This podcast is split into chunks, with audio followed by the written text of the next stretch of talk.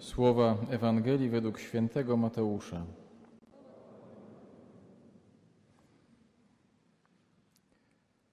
Jezus, widząc tłum, wyszedł na górę. A gdy usiadł, przystąpili do niego jego uczniowie, wtedy otworzył usta i nauczał ich tymi słowami. Błogosławieni ubodzy w duchu, albowiem do nich należy Królestwo Niebieskie. Błogosławieni, którzy się smucą, albowiem oni będą pocieszeni. Błogosławieni cisi, albowiem oni na własność posiądą ziemię. Błogosławieni, którzy łakną i pragną sprawiedliwości, albowiem oni będą nasyceni. Błogosławieni miłosierni, albowiem oni miłosierdzia dostąpią. Błogosławieni czystego serca, albowiem oni Boga oglądać będą. Błogosławieni, którzy wprowadzają pokój, albowiem oni będą nazwani synami Bożymi. Błogosławieni, którzy cierpią prześladowanie dla sprawiedliwości, albowiem do nich należy Królestwo Niebieskie. Błogosławieni jesteście, gdy wam urągają i prześladują was, i gdy z mego powodu mówią kłamliwie wszystko złe o was. Cieszcie się i radujcie, albowiem wielka jest wasza nagroda w niebie. Oto słowo Pańskie.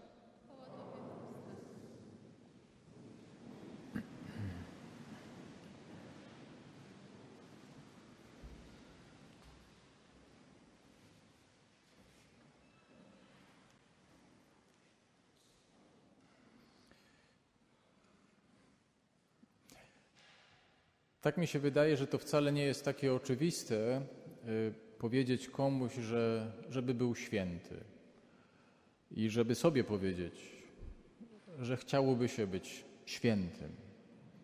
Że z jednej strony to jest takie słuszne, bardzo pobożne i prawdziwe, ale w kontekście chociażby dzisiejszej Ewangelii, tak nam coś w tym wszystkim nie gra. To znaczy, jak być świętym, to znaczy zgodzić się na to wszystko i to na tym to polega. Tak się zastanawiałem, y, y, skąd się to wzięło, skąd się wzięło takie to przesunięcie tego, tego myślenia o, o świętości. To jest dosyć ciekawe, bo na początku, kiedy się weźmie Stary Testament i y, w Księdze Kapłańskiej jest takie zdanie, Pan Bóg mówi do Izraelitów, świętymi bądźcie, bo ja jestem święty. I to święty oznacza tam inny, inny. My w takim kontekście i w taki sposób śpiewamy to za chwilę. Będziemy śpiewać święty, święty. Będziemy mówić, że Bóg jest inny. Bóg jest inny od naszych wyobrażeń, Bóg jest inny od tego, co o nim myślimy, Bóg jest inny od tego świata, od różnych przedstawień. I ci, którzy chcą naśladować Boga, mają też być inni. Ale nie chodzi o dziwactwo. Nie chodzi o jakąś duchową ekstrawagancję. Nie chodzi o żadne performensy. Znaczy chodzi o to, żeby pokazywać swoim życiem, że w tym świecie, w którym jest tyle namiętności, tyle zła, gniewu, nieprzebaczenia, chęci odwetu, można żyć inaczej. I samo to pokazywanie to jest już inność, że tak w ogóle można, że można powstrzymywać naturalne odruchy. I to jest inność. Potem Paweł, święty Paweł w swoich listach mówi, że świętymi są ci, którzy wierzą. To są chrześcijanie. On tak zresztą pisze: pozdrówcie świętych, pozdrówcie w swoich wspólnotach świętych. I, i, I, to znaczyło, to są wszyscy, którzy wierzą.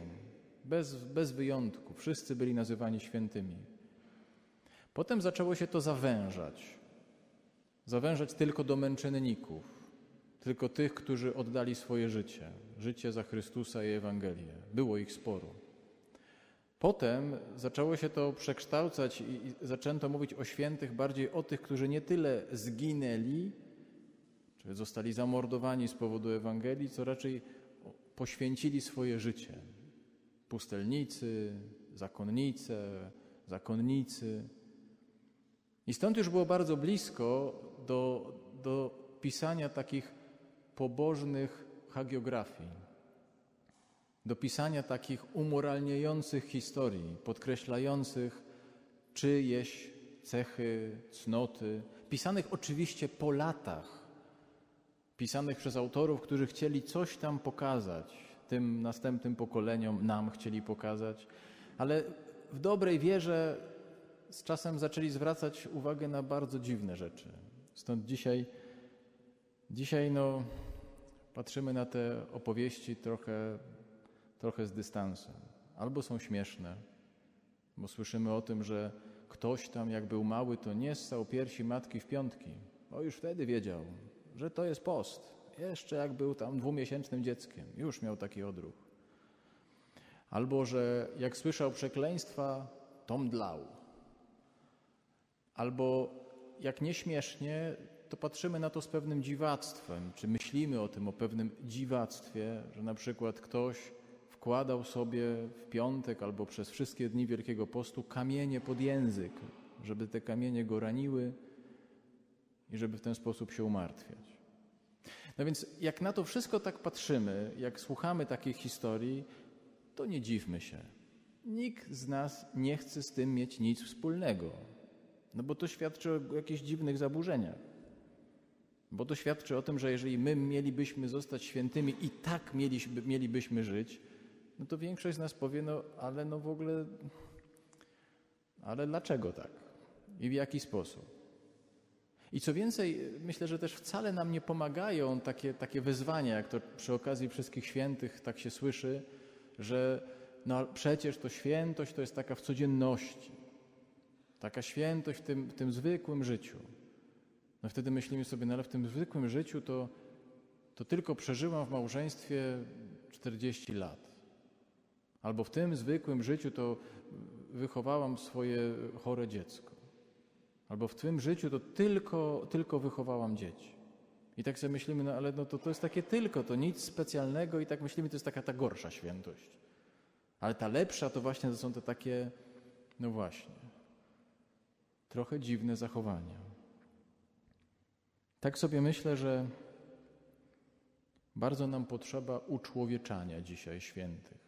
Dziwnie brzmi, ale przywracanie im człowieczeństwa, żebyśmy zobaczyli w nich ludzi, a nie jakichś nadludzi albo superludzi, albo jakich, nie daj Boże, dziwaków. Żebyśmy zobaczyli w nich ludzi, z którymi możemy w jakiś sposób zaplatać nasze życie i nasze życiorysy. O co mi chodzi? No chociażby o to, żeby, żeby jak czytamy o świętej Teresie z Lizie, małej Teresce, wielkiej świętej francuskiej, to pamiętać o tym, że przez wiele lat, będąc już w zakonie, cierpiała na chorobę skrupulanstwa i żyła w ogromnym lęku. I, i, I spowiadała się ze wszystkiego, cokolwiek jej przyszło na myśl. Że jak czytamy o świętej Teresie z Avila, to pamiętajmy o tym, że przez 20 lat miała kłopoty z modlitwą, jak sama pisze w swojej biografii, nie modliła się. Nie modliła się. Że jak modlimy się albo wspominamy słynną świętą Ritę, to pamiętajmy, że jej mąż to był furiat. I generalnie dobrze mu było, jak się biły z innymi po gębach. Naprawdę, z tego żył.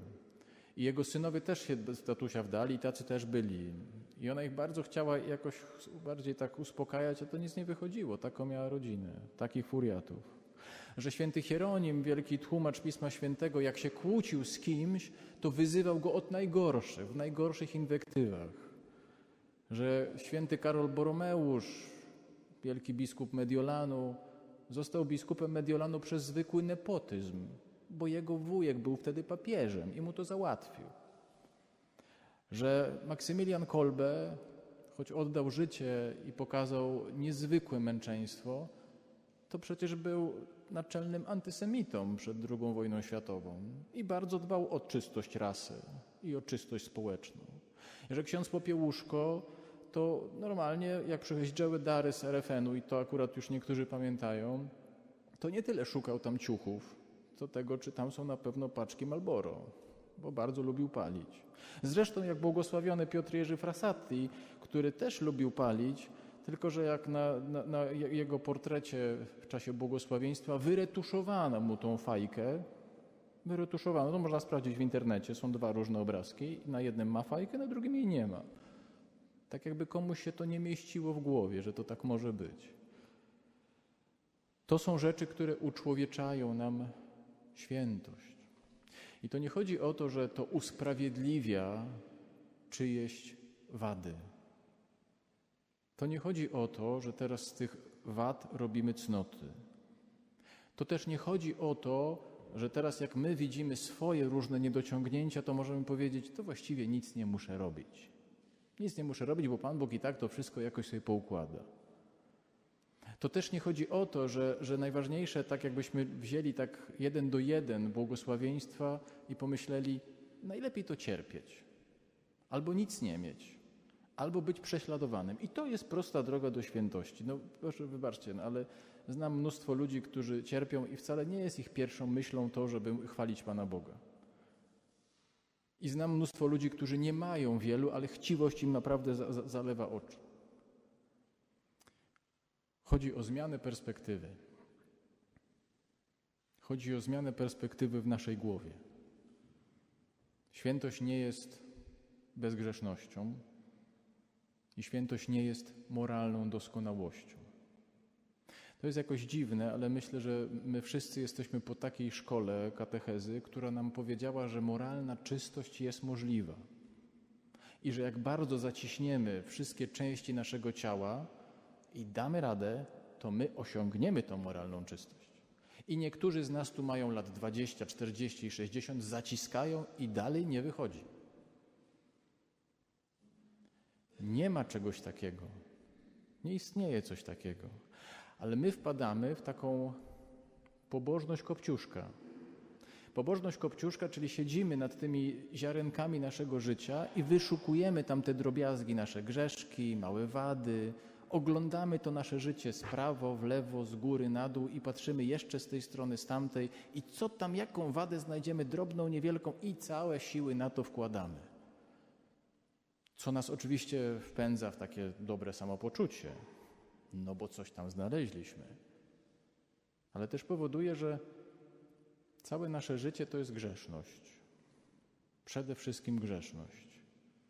Tylko nasze wady, nasze grzechy, to nam cały obraz zasłania. Chodzi o zmianę perspektywy.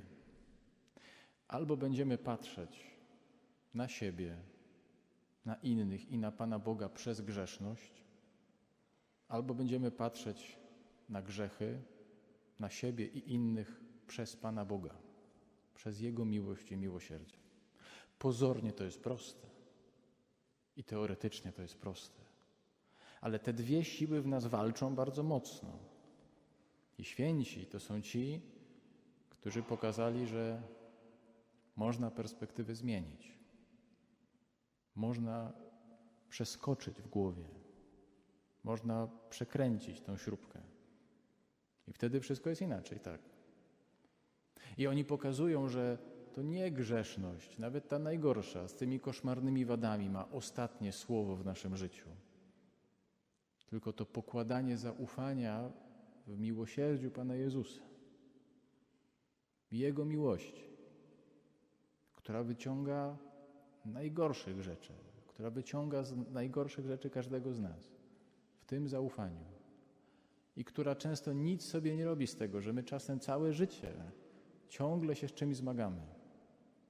Ale jak patrzymy na to wszystko przez Jego miłość, to wiemy, że to nie jest najważniejsze. To naprawdę jest drugo albo trzeciorzędne. Ja wiem. Teraz część myśli sobie, no ale jak to? Jak my nie będziemy tak o tych grzechach myśleć, to zaraz przestaniemy w ogóle z tego się spowiadać. Nieprawda. Mamy to dobrze wdrukowane. Będziemy się nimi przejmować. Ale chodzi o zmianę perspektywy tego przejmowania. One dalej będą. Sumienie nam będzie działać fantastycznie. Ale żeby patrzeć na siebie przez miłość i miłosierdzie, a nie przez grzeszność, bo przez grzeszność, słuchajcie, to jest zawsze wykrzywione.